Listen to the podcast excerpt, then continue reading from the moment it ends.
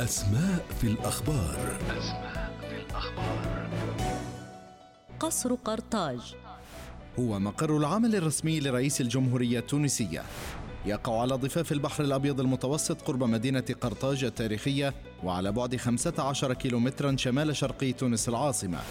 شيد القصر حسب نمط معماري عربي أندلسي تونسي. ويحوي عددا من الصالات تحمل اسم شخصيات وطنية وتاريخية تونسية. مجمع القصر يتكون من أربعة أقسام القصر وبناية للأمن الرئاسي وبنايتين أخريين بهما الخدمات العامة المشتركة الإدارية والمالية.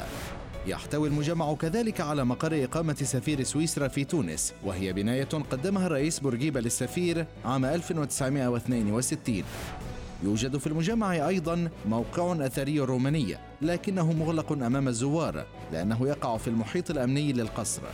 أثناء رئاسة الحبيب بورقيبة استخدم القصر كمقر عمل وإقامة وكانت عائلته تقيم به أيضا حتى تمت الإطاحة به في السابع من نوفمبر 1987 من قبل رئيس وزرائه آنذاك زين العابدين بن علي.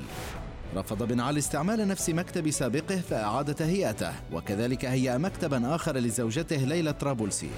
بن علي استعمل قصر قرطاج للعمل فقط. أسماء في الأخبار. أسماء في الأخبار.